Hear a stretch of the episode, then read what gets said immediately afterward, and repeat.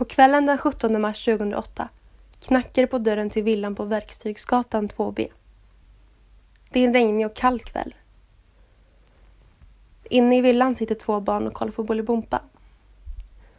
Deras mamma är också hemma och sitter och skriver med sin syster från datorn. När det knackar går mamman till dörren för att öppna. Där står en kvinna. Hej, Antine, säger hon. Efter det blir allt svart. Senare på kvällen, när mammans sambo kommer hem från jobbet, möts han av en fruktansvärd syn. Han hittar sin sambo Emma tillsammans med hennes två barn, max tre år och Sagi ett och ett halvt år, liggandes blodiga och sönderslagna i hallen.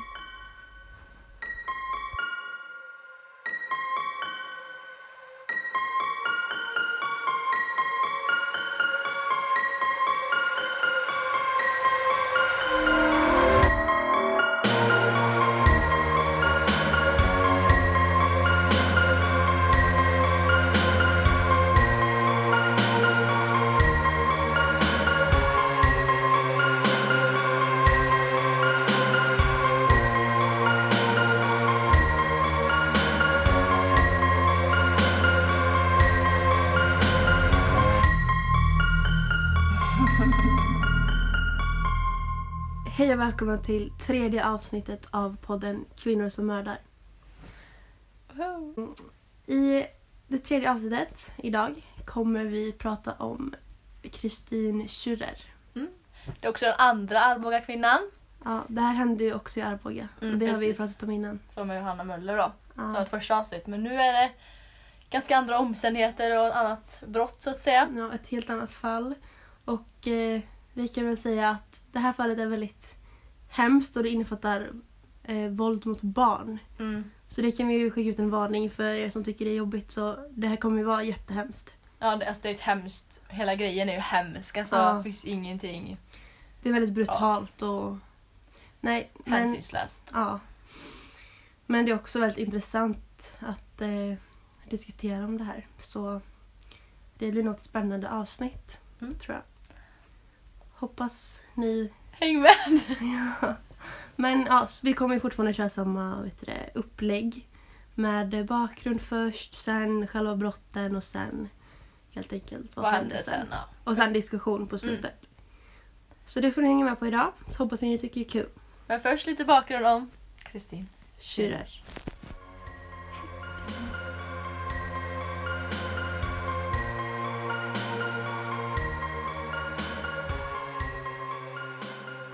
Kristina Schürrer föddes 30 juni 1976 i Hannover i Västtyskland.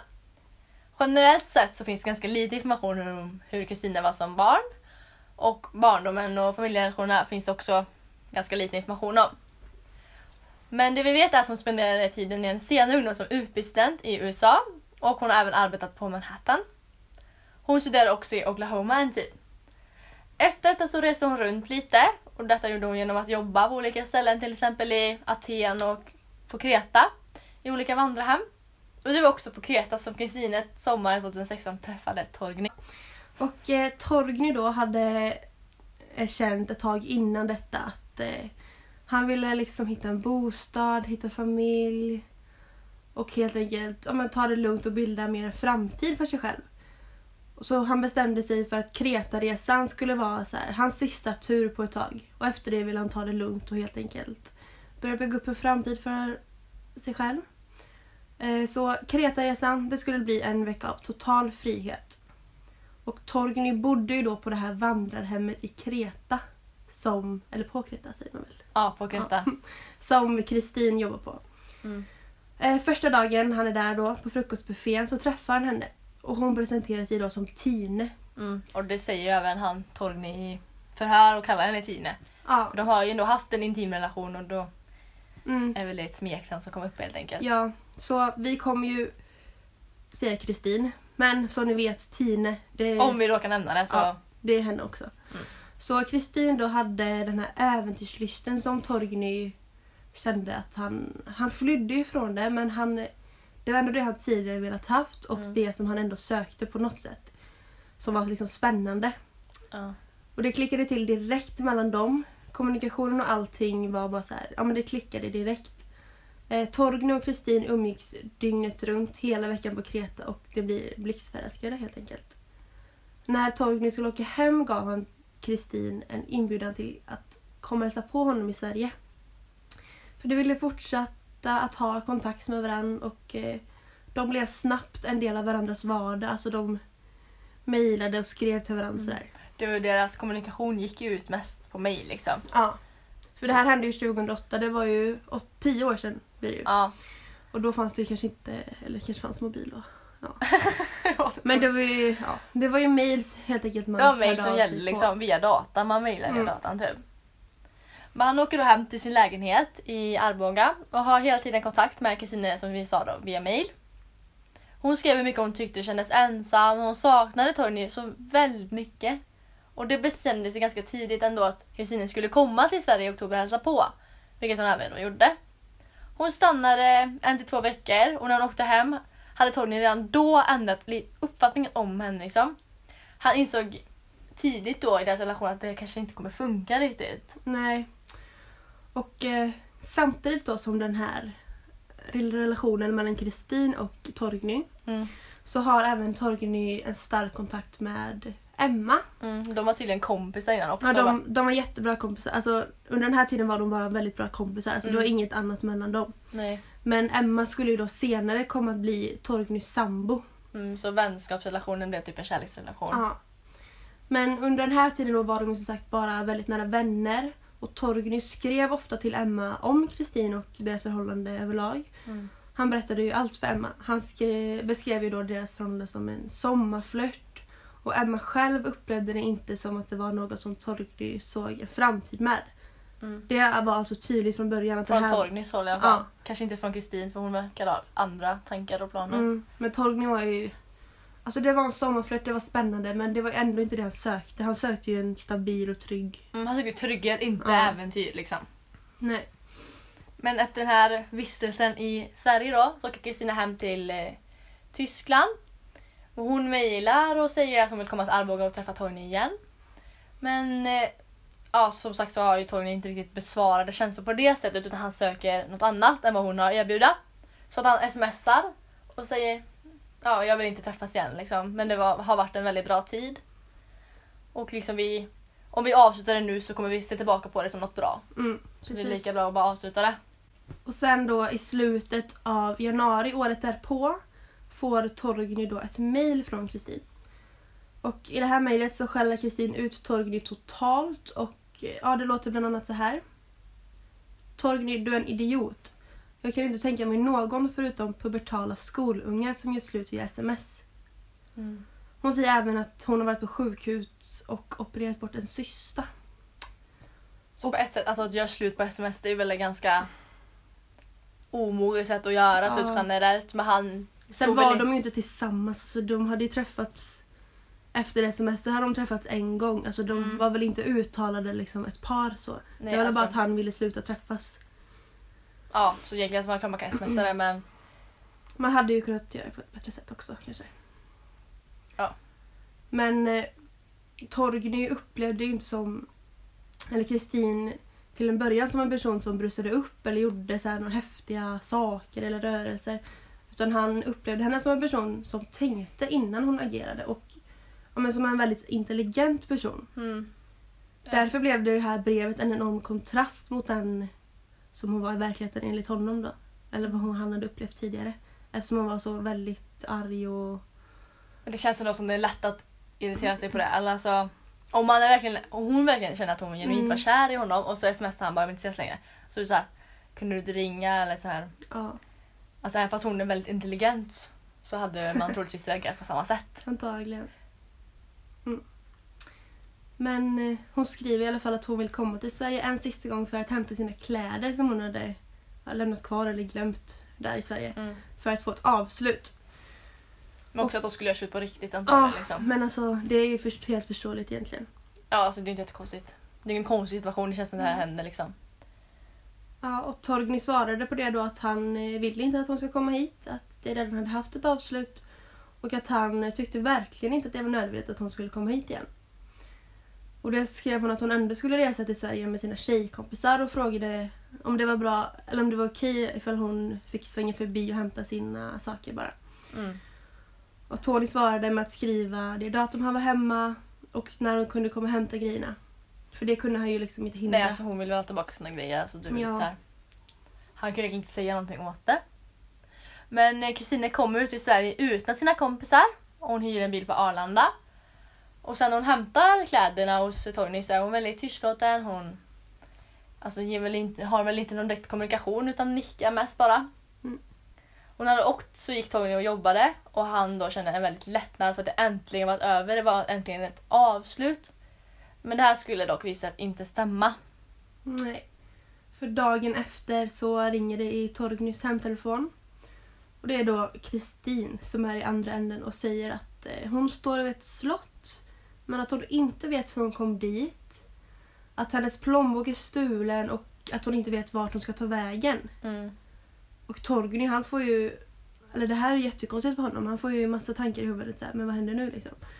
Och, men han bestämmer sig för att åka och hjälpa henne. Ja. Och eh, han åker till det här slottet då och hittar hyrbilen som Kristin har hyrt mitt emot slottet. Så då kliver han fram till förardörren och genom bilfönstret möter hans Kristins dimmiga blick. Mm, för hon hade tagit väldigt mycket sömnmedel och så. Mm. Så det var lite så här. Alltså vad gör du? Vad håller du på med? Hur kom du hit? Och hon säger att hon inte vet hur hon kom dit. Och typ att bensinen på bilen var slut som hon hade hyrt. Och... Så alltså hon vet liksom inte. Och hon kunde ju självklart inte köra men eftersom hon då var typ påverkad av sömnen eller vad man ska säga, hon var trött. Så de lämnar hyrbilen där och sätter sig i Torgnys bil och åker hem till Arboga. Och hon kunde ju inte åka hem i det tillstånd hon då var. Så att eh, hon ringer sina kompisar i Tyskland och säger att hon inte kommer komma hem på några dagar. Och det var ju då verkligen inte vad Torgny hade tänkt sig. För att han tänkte väl att hon skulle åka iväg så fort som möjligt men ändå så skulle hon kanske stanna där några dagar. Mm. Men eh, han får sova, hon får sova på soffan. Ja, alltså det är, man kan ju inte tvinga hem en person som ändå mår så dåligt liksom. Nej. Men han hjälpte ju henne att få kontakt med hennes vänner och eh, när de kommer hem till Torgnys lägenhet då så sätter de sig vid köksbordet och bara pratar ut och har ett väldigt långt eh, samtal och då frågar ju Torgny då bland annat varför Kristin hade sovit så länge och varför, eller vad som hade hänt. Och då berättar Kristin att hon hade fått med sig från Tyskland en flaska flytande Valium som hon drack för att aldrig vakna igen. Mm, det är typ ett sömnmedel. Ja. Så, Och sen börjar hon gråta. Alltså, åh. hon mår ju psykiskt dåligt Ja. liksom. Och då förstår ju Torgny att okej, den här tjejen behöver mer hjälp än vad han kunde tro först. Liksom. Mm. Och de ordnar då tillsammans en ny resa hem till Tyskland då för Kristin. Mm. Eh, och så att de skulle komma hem till liksom vänner och familj som faktiskt ville ta hand om henne helt Ja. enkelt. Ehm, Torgny frågar så här till Kristin då, varför sa du att du skulle stanna några dagar? Och då sa hon ju att om jag behöver det för att åt, kunna återhämta mig. Mm. Men då tyckte väl att Torgny att ja, du, du talar inte så lång tid att återhämta sig. Nej. Och han fick liksom nog och sa så här, ja du får sova här max en natt. Och i sådant fall får du sova på soffan. Mm, Alltså han var ju inte kär, kär i henne, han hade ju relation med en annan. Så klart inte Ja, måste sova i samma men säng. han, han blir ju lite så här trött också. Men han aldrig blir av med henne på något sätt. Mm. Alltså om det är någon man inte gillar som ändå ska fortsätta. Klart man vill få iväg henne även om hon mår dåligt. Men Kristin känner lite så här. Come on. Eller lite så här. Snälla. Ja men hon blir lite så liksom. Men nej. Torgny får inte. Alltså han vill- tillåter inte henne sova jämt på honom. Nej. De åker till flygplatsen efter den här natten.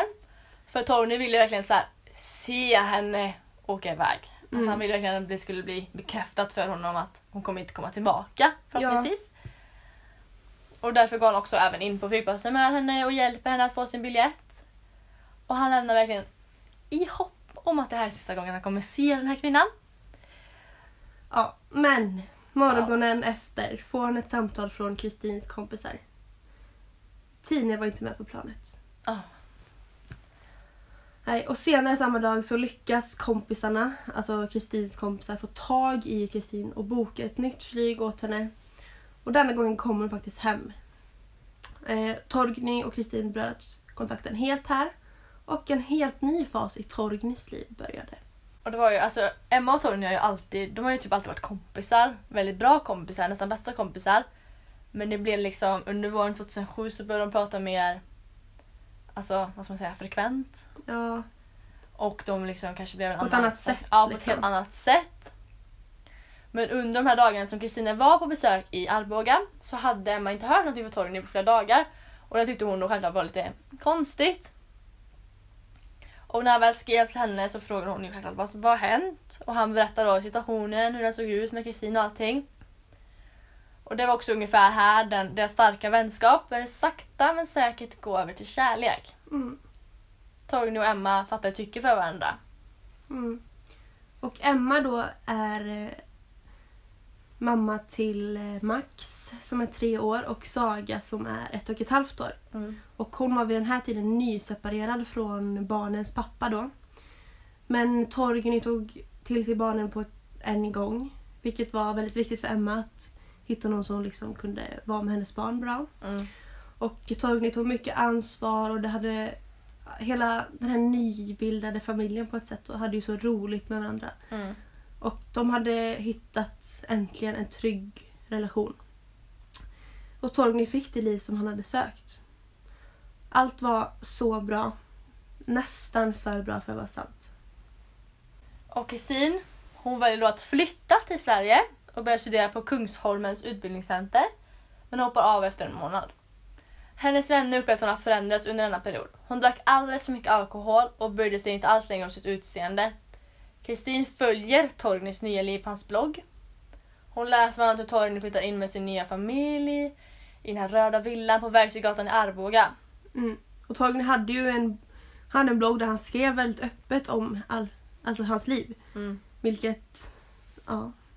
Alltså det var Han- inte så hon- svårt att veta vad han gjorde på dagarna Nej. för att det stod på bloggen. ja, Liksom. Kristin visste ju när han jobbade, vilken tid, när han kom hem.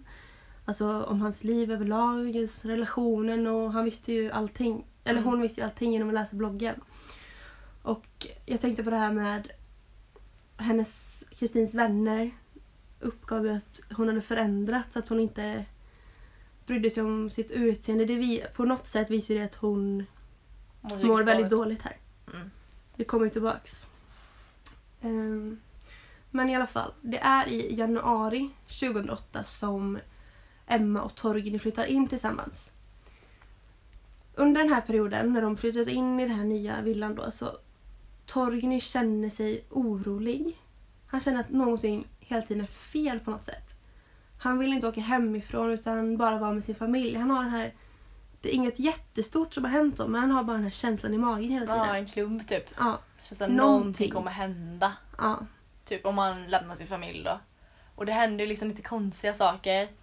Till exempel så familjen satt och tittade på TV en kväll så hörde en stor duns mot väggen som att det var någon som stod ute och banka. Och sen vad mer var det? Ja, deras dörr kunde stå helt öppen ibland från ingenstans. Och detta gjorde de ju såklart fundersamma. Alltså det hade väl gjort vem som helst fundersam. Mm. Men Emma tänkte heller inte allt för mycket på det. Alltså bara såhär, ja vi får bara låsa dörren lite mer. Mm. Men sen även eh, Emma när hon till exempel stod i tvättstugan och vek tvätt så kunde hon även se mörka skuggor som går förbi fönstret. Och ja, det var Mm. någonting som inte stämde helt enkelt. Och det var ju inte bekräftat men det var ju troligtvis Kristin som Ja. härjade. Så att säga. Man kan ju se på hennes mobil att hon har ju varit vid det här området Mm. flertal gånger under den här perioden. Mm, vilket är väldigt obehagligt. Ja, det är jätteobehagligt. Mm. Men eh, det var även i den här vevan som Torgny får ett konstigt brev från Kristin. De har ju inte haft någon kontakt på flera månader men nu får hon ju det här brevet då. Och där står det att Kristin har fött ett barn som är Torgnys. Och att hon hade döpt barnet till Jonas och att hon hade adopterat bort det till ett par i Tyskland. Mm. Och Emma tyckte det var jättekonstigt. Men var även stöttande och sa så här. Men om det nu finns ett barn så kommer vi såklart lösa det. Och Tony, Torgny svarade Kristin. Och skrev endast grej, en grej. Vart har du fött barnet? För han, ville, han tänkte så här, han kände ju någonting är fel. Han ville ha bevis på något sätt. Så det var det han frågade. Mm. Och då fick han därefter ett svar från den här adoptivpappan då inom citationstecken. Mm. Som skrev att han eh, skulle, att Torgny skulle sluta skriva till Kristin eftersom hon inte mådde bra. Torgny ville ändå göra ett faderskapstest för att verkligen vara säker. Alltså det är klart om man har ett barn vill man ju veta om det för det första är sitt egna och då vill man ju ta hand om det. Och sen skrev också typ adoptivpappan någonting om att det barnet hade någon sjukdom också. Mm. Så blev det ännu mer såhär, jag måste, det är ju mitt barn, jag måste ju ta hand om mitt barn. Alltså, Mm. Så han skrev att han ville göra ett faderskapstest men, och om det finns ett barn så han vill liksom och Ja. ta hand om det. men han fick inga mer svar från den här adoptivpappan. Och sen kommer ju då fram att det finns varken barn eller adoptivpappa. Utan det var Kristin som skrev alla de här breven. Och då, man kan ju aldrig garantera att det aldrig har funnits ett barn men de har ju kollat så här olika sjukhus och sånt i Tyskland och det finns ju inget där Kristina har varit inlagd liksom. Nej. Så antagligen, troligtvis så är det väl inget barn som har existerat någonsin. Men det är antagligen bara ett sätt att få hans uppmärksamhet Mm. igen. Ett desperat försök.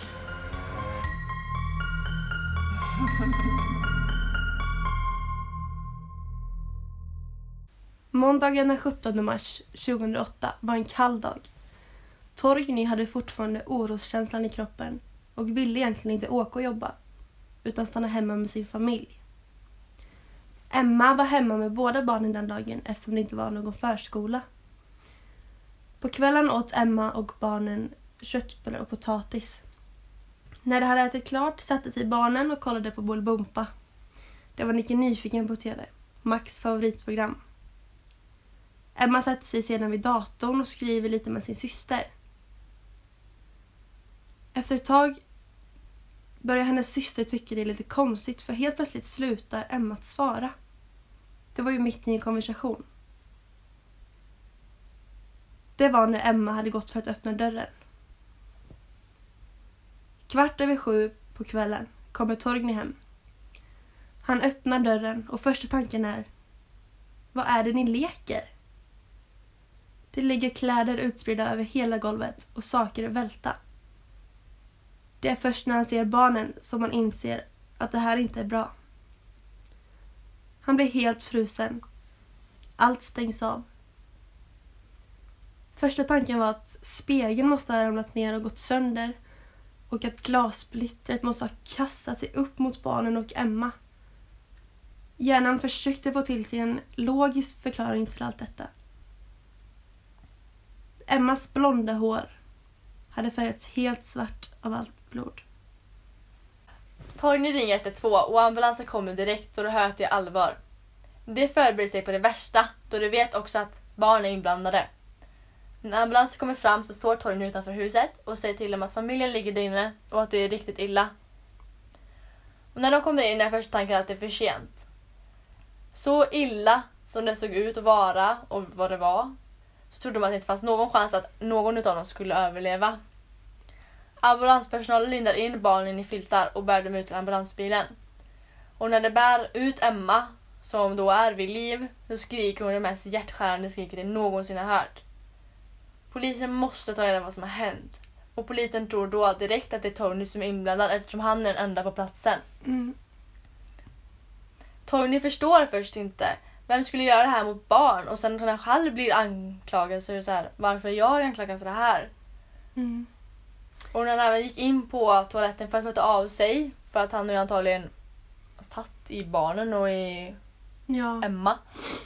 Så ser han bara en bedrövad människa, blodig i hela ansiktet och på händerna. Han måste hålla sig i väggarna för att inte svimma. Han bryter ihop helt efter detta.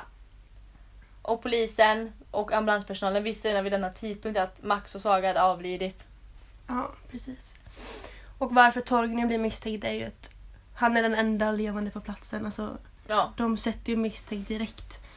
Men det byts ju ganska snabbt då. Mm. Sen. eh, Emma har mycket svåra inre blödningar och hennes läge är väldigt kritisk. Och hon hölls nedsövd ett tag efter attacken. Var du väldigt mycket skador på hjärnan, på Ja, huvudet. Alltså hon har fått många... Det var ju Slag. hammarslag troligtvis. Eller det var så slag med ett trubbigt verktyg. mm, Så troligtvis en hammare. Och det var ofta det var attack mot huvuden då. Det var väldigt mycket mot ansiktet och huvudet. Mm. Men eh, de anhöriga tänker positivt mitt i allt elände ändå och eh, även fast det finns en stor risk att hon faktiskt inte överlever så försöker de ändå hålla andan uppe.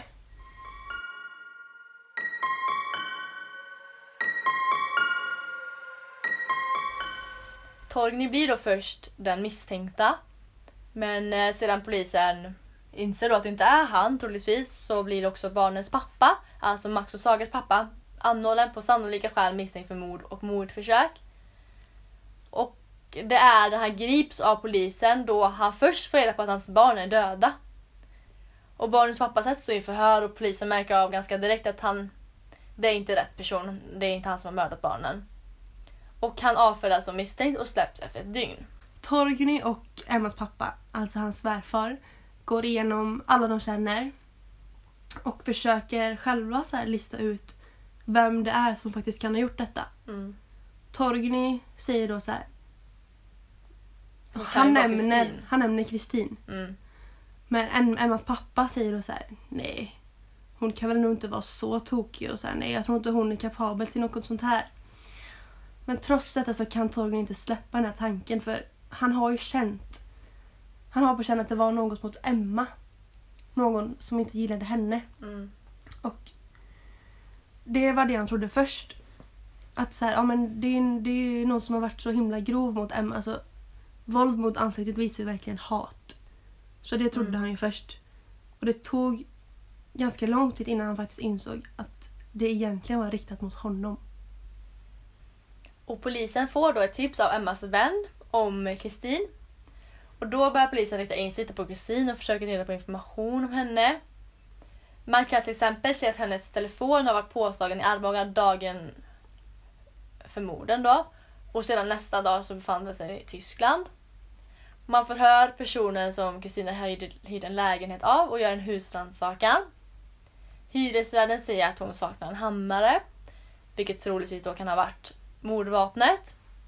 Man kan se på bilder från övervakningskameran på en tågstation att Kristina befunnit sig där. Personen på övervakningsbilderna hade vänskor. Man hittar alltså flera indiser som kopplade Kristina till mordet. Utredningen pågår i månader. Kristina satt först häktad i sin frånvaro. Polisen åker till Tyskland och gör en husrannsakan på platsen Kristina åkte till efter mordet. Där hittar polisen en dator med sökningar av Emma Jagnestig och om Verktygsgatan 2B. Och då, då fanns bilder på huset bland annat. Kristin grips av tysk polis och svenska polisen är där för att hålla förhör med henne och tar, tar över henne till Sverige.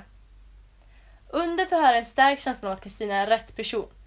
Att det är hon som har gjort det här hemska. Ehm, ja, och samtidigt som utredningen mot Kristin Schürrer fortsätter vaknar Emma upp efter tio dagar som eh, hon har varit nedsövd. Mm. Och när hon vaknar så är hon förvirrad. Hon minns nästan ingenting om mordkvällen. Men hon får inte veta vad som har hänt henne eller barnen. Eftersom hon är ju en jättestor nyckel till utredningen. Hon är ju liksom huvudvittne egentligen. Mm. Och då var det väldigt viktigt att ingen fick berätta något för Emma. Hon fick inte ens kolla tidningar eller nyheter eller Nej. någonting. Och inte ens när hon var nedsövd fick de prata om det för hon hade kunnat snappa upp det liksom. Ja. Polisen ville att hennes minne skulle vara helt rent och inte hade blivit påverkat av någonting. Men hon vaknar upp, hon förstår inte vad som har hänt och när polisen vill prata med henne förstår hon inte det heller. Hon ville bara komma därifrån. En morgon under förhör pekar Emma mot dörren och säger Det är någon där, hon vill bara komma in och hälsa. Hon får då alltså någon slags flashback. Ja. Och polisen försöker få fram mer information om det här då men Emma undrar då vad hennes barn är. Och efter det börjar de prata om något helt annat. Eh, så till slut orkar polisen inte dölja att barnen faktiskt är avlidna och berättar det för Emma. Men hon tar inte till sig det riktigt. Hon, hon tror att det skojar med Det henne. är ju någon chock, liksom, chockstadie. Liksom, man kan inte... Förnekelsestadie. Ja, alltså det är en sån hemsk situation och det blir så här, man kan inte ta till sig riktigt för det är något så här verkligen känns omöjligt att ens barn ska dö liksom. Mm. Och det är inte förrän en läkare går in och verkligen förklarar att hennes barn är döda som hon verkligen förstår. Och då bryter hon ihop, hon eh, börjar gråta och hon börjar spy. Och så mår väldigt så illa på tanken att sina barn är döda liksom. Ja men det är ju alltså fysiska reaktioner som Ja. kommer av sån, ett sånt besked. Och hon får reda på att de är döda, men inte varför eller hur de dog. Och det är då hon börjar också anklaga sig själv. Liksom, är det jag som har gjort någonting mot dem? Mm. Kanske jag, alltså. Jag kommer inte ihåg någonting men det, om jag inte kommer ihåg något så kan det lika gärna vara jag. Och det här måste ju vara jättejobbigt att inte veta så, ja, det kan lika gärna vara jag som har dödat mina barn. Mm. Så hon... eh, Hon har inget minne från den kvällen, alltså Nej. just vid det tillfället i alla fall. Och då blir det verkligen så här, men då kan det ju lika gärna vara jag. Mm. Men när Emma skrivs ut från sjukhuset så åker de till bårhuset för att se barnets kroppar och på det sättet få ett avslut. Och sen åker de till ett skyddat boende då. Eftersom de har ju en slags hotbild mot sig. Mm. Och under tiden eh, de bor här så får Emma stundvis tillbaka minnesbilder från den här kvällen. Och de här minnes, minnesbilderna kunde komma lite då och då, när som helst egentligen. Hon säger en gång att hon någonstans hade läst att våld mot ansiktet är ett tecken på avundsjuka. Och hon säger att det är en tjej som har gjort det här. En historia om en utländsk kvinna kommer upp och hon får en klar bild om vem det är som hon har öppnat dörren för. För hon kommer ihåg Haj Antine. Och sen efter det här då att hon måste backa för att Tine, då Kristin, tränger sig in i huset och nästa sekund får hon ett slag mot huvudet. Det här är vad hon kommer ihåg från den kvällen och hon minns inte idag vad Kristin gjorde mot barnen. Endast vad hon utsatte Emma för då. Mm. Men hon kan ju ana för vad de har fått utstå för smärta och rädsla precis som hon själv har fått utstå. Ja. Nej, det är verkligen jättehemskt. Mm. Och polisen märkte ju då, alltså det är ju en hemsk situation. Och Kristin visade ingen empati eller någonting när de pratade med henne i förhören om vad som hade hänt. Nej. Och det är också ett ganska tydligt tecken på att någonting inte riktigt är rätt till. Mm. Och det är den 29 juli 2008 som rättegången mot Kristin Schürrer startar. Hon åtalas för morden Max, morden på Max och Saga och även mordförsök på Emma. Både svensk och utländsk media är på plats i rättssalen. Det här fick väldigt mycket skriverier och sånt internationellt också. Ja, väldigt mycket. Mm. Och eh, i den här, i, under rättegången då, Emma har ju inte hon har inte velat se någon bild av Kristin eller så innan för hon vill hon vill ha det som hon har i sitt minne liksom så att hon Mm. inte blir ändrar det på något sätt. Men när hon vänder sig om och faktiskt kollar på Kristin för första gången sedan attacken så, så skriker hon rätt ut i rättssalen och folk som är, har varit där beskriver det som ett riktigt avgrundsvrål. Ja, Emma inser ju då, ja men det är ju hon. Ja, alltså det är verkligen så här. Alltså, Hon bara blev säker när hon såg henne. mm, allting bekräftar, alltså den bilden hon hade i huvudet bekräftades ju när hon såg bara men alltså det är ju ingen tvekan om vad den var längre. Nej. Och åtalet mot kusinen byggs på indicier. Men det här mordvapnet då som användes hittades ju inte. Men det som hittades var ju ett blodigt fotavtryck på hittesplatsen. Och det här är då Vans-skorna som vi pratade lite om tidigare. Och det var exakt de skorna som Kristine ägde men inte längre hade kvar. Mm. Trots att Emma kan peka ut Kristin som mördare räknas ändå inte det in som ett bevis i utredningen. Men de här indicierna rä- räcker för att Kristin ska dömas för det här brottet hon har begått. Men det, hon döms för mord och mordförsök i tingsrätten. Men det här är mot hennes nekande. Hon nekar ju det här. Så hon därför överklagar ju hon och då tar fallet tas upp i hovrätten. Och i hovrätten så räknar de in Emmas vittnemål, vittnesmål Mm. och dömer återigen Kristin då till livstidsfängelse. Och det är helt Hon blev enkelt... väl utvisad också. Ja, och, och utvisning. Mm. Livstids utvisning och Ja. livstidsfängelse.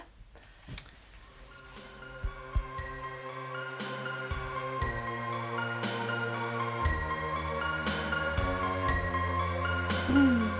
Hur kan någon vara kapabel till att mörda två små barn, ett och ett halvt år och tre år? Och hur kan också någon bli så galen på grund av svartsjuka och avundsjuka? Mm. Nej, det är ju det som är frågan. Alltså, vad är motiven? Mm. Hon var ju avundsjuk och svartsjuk på att Emma fick den killen som hon Mm. egentligen ville ha. Men samtidigt så har inte de, Torgny och eh, Kristin haft en lång relation eller så. Nej. Utan det var ju bara en väldigt kort och intensiv relation. Och ändå så uppstod det här beteendet på väldigt svartsjuka och att de var tillsammans kanske enligt henne fast de egentligen inte var det. Mm. Så på ett sätt så är det ju kanske en svartsjuka en del men jag tror att det ligger främst i hennes psykiska mående. Ja. Man kunde ju hitta lite ledtrådar om att hon mådde psykiskt dåligt under den här perioden. För hon har ju varit inlagd på psyk Ja, dels. flera gånger. För att hon har verkligen mått alltså, psykiskt dåligt Mm. och till exempel om man ljuger att man har varit gravid fast man troligtvis inte har varit det och typ sådana grejer. Det är också så här tecken på psykiskt beteende. Psykiskt, beteende. psykisk ohälsa. Och då även att, va, eller, att hennes kompisar säger så här, ja, men hon har ändrats. Hon bryr sig Mm. inte om sitt utseende. Och det är också så här, alltså är man deprimerad så kanske man inte prioriterar det ytliga liksom. Nej, inte på samma sätt så. Och det kan ju vara ett varningstecken liksom. Mm. Och sen det att hon hade problem med alkohol. Också för att dämpa den här ångesten kanske hon känner. Mm. Men hon visar ju också ett slags stalkingbeteende mot Torgny och den här nya familjen då eftersom hon... Hon kan ju inte släppa Torgny. Nej. Hon har ju varit troligtvis så tror man ju under flera gånger vid deras hus och kikat in och öppnat dörren och googlat och ja men Och läst Hon- hans blogg frekvent. Alltså Ja. så här, haft ett stalkningsbeteende och det, hon är besatt av den här Mm. killen. och det uppstår ju mest på grund av svartsjuka och liksom Mm. viljan av att ha någonting som man inte kan ha liksom på det sättet. Och Men kan, kanske känner hon så här om inte jag kan få honom så ska ingen få honom typ. Nej. För Tony, nej Torgny säger ju Först tror hon ju att det är riktat mot Emma och Mm. barnen men egentligen är det ju riktat mot honom. Mm. Verkligen så det ju konstigt på ett sätt att hon mördade barnen också. För Ja. tekniskt sett hade du, hade hon, alltså i hennes hjärna så borde det på något sätt vara så här, men hade hon dödat Emma då hade hon fått Torgny för sig själv. Mm. Men barnen, för det var inte Torgnys barn utan det var ju bara, det var Emmas barn. Ja. Så egentligen på ett sätt så borde ju Emma räckt. Men alltså hon verkar ju ha extrema aggressioner. Ja. Men man undrar ju ifall hon måste ju ha vetat att ja, Emma kommer ju vara där med barnen. Ja. Hon måste Eller hon ha kanske tänkte att de var på förskola. För de, Det var ju på kvällen. Alltså, Ja, det är sant. För det var ju då så att det var förskolan var ju stängd den dagen. ja. Men det var ju fortfarande, det inträffade fortfarande lite senare på eftermiddagen, så här kvällen. Men hela brottet i sig visar ju... Det är ju verkligen övervåld liksom. Men det är ett tecken på galenskap ska jag säga. Ja. För det är så här, alltså egentligen så kan man inte säga typ, alltså det är väl svartsjuka och psykisk ohälsa typ som är allt i ett. Mm. För det är ju flera faktorer som självklart gör en mördare. Men det är ju hon- inte bara en grej. Inte bara Nej. för så att man är psykiskt sjuk att man mördar folk. Eller att man är, är svartsjuk och man mördar folk. Alltså det är ju massa sammanträffanden som måste stämma in för att det ska Mm. hända såna här grejer. Men på ett sätt så har hon, hon har väl inte heller fått någon diagnos liksom. De i rätten har ju inte sett henne som psykiskt sjuk eller? Inte då det hände. Så hon hade jag har för mig att Hon har ju inte dömt till rättspsykiatrisk vård. Nej. Hon har ju dömt till fängelse. Alltså har, de, Mm. har hon inte varit tillräckligt psykiskt sjuk för att dömas till sån vård. Alltså hon har ju sett som galen i typ media och sånt men det är också så här ganska typiskt om en kvinna mördar. Ja det är det ju verkligen. Man vill ha en förklaring på det något sätt och män alltså det är så här, men de är bara så. Mm. Men kvinnor blir så här, då måste vill man på ett sätt ha en diagnos på den här varför den gör så men det har inte varit li- lika tydligt på Nej. Och särskilt när det sker något sånt här riktigt hemskt och så här mm, verkligen ofattbart. mot ansiktet, mot små barn. Alltså verkligen så här. Det är ett sånt konstigt, en sån konstig situation. Mm. Ja, det... Jag tror inte det går att säga ett riktigt svar på varför hon har gjort det här. Nej, speciellt inte den här situationen. Alltså man vet väl att motivet är svartsjuka men det är sånt Alltså att hon ens är svartsjuk när hon typ egentligen inte hade något förhållande. Alltså är, så här, det är en väldigt konstig situation alltihopa. Utan hon måste verkligen bara ha varit Det kan, galen. ju, det kan ju visa på ett kontrollbehov med att hon Mm. på något åt det hållet också. Men man vet heller inte så mycket om hennes barndom. Eller det står inte så mycket information om det. Så vi kan ju inte heller ta några antaganden från den. Nej. Men vi vet ju att, som vi diskuterade förra avsnittet också, att typ så här, överkontrollerande personer tenderar ofta att göra övervåld. Ja. Och det var ju övervåld ja. på ett sätt, speciellt på barnen. Det här är ju egentligen ett liknande beteende till eh, vet du Jonna Henningsson. Mm. Alltså det är lite samma motiv, svartsjuka, samma den psykiska ohälsan, det här stalkingbeteendet och det här övervåldet då. Mm, alltså hon flyttade liksom till Stock eller hon flyttade till Sverige bara för att kunna nära, honom typ. Ja. Men som sagt så finns det ju inte bara en grej som gör en mördare utan Nej. det är det flera aldrig. faktorer och det här kanske bara var några utav dem men det finns säkert troligtvis mer också i barndomen och sånt som vi Mm. inte riktigt har information om. Mm. Men eh, ja, det var väl allt för det här tredje avsnittet. Mm. Ja, vi hoppas att eh, det var intressant och spännande att lyssna på. Mm. Att ni tyckte det var kul. Så äh, får vi se när fjärde avsnittet kommer. Nästa, Jajamän. onsdag. Det ser vi fram emot. Ni får jättegärna som vanligt ge oss kritik och respons här på podcaster eller på Soundcloud eller var ni lyssnar nu. Ja, det är jättebra och jättekul att få. Så absolut. Men så syns vi helt enkelt. Ha det bra.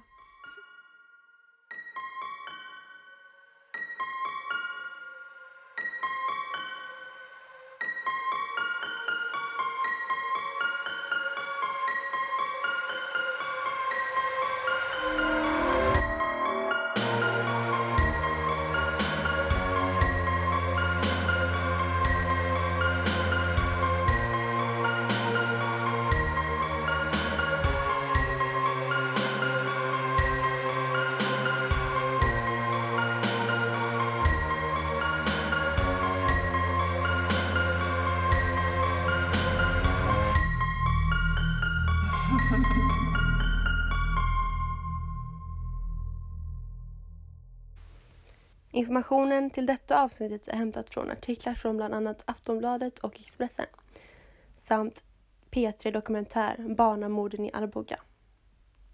Tack för att ni lyssnat.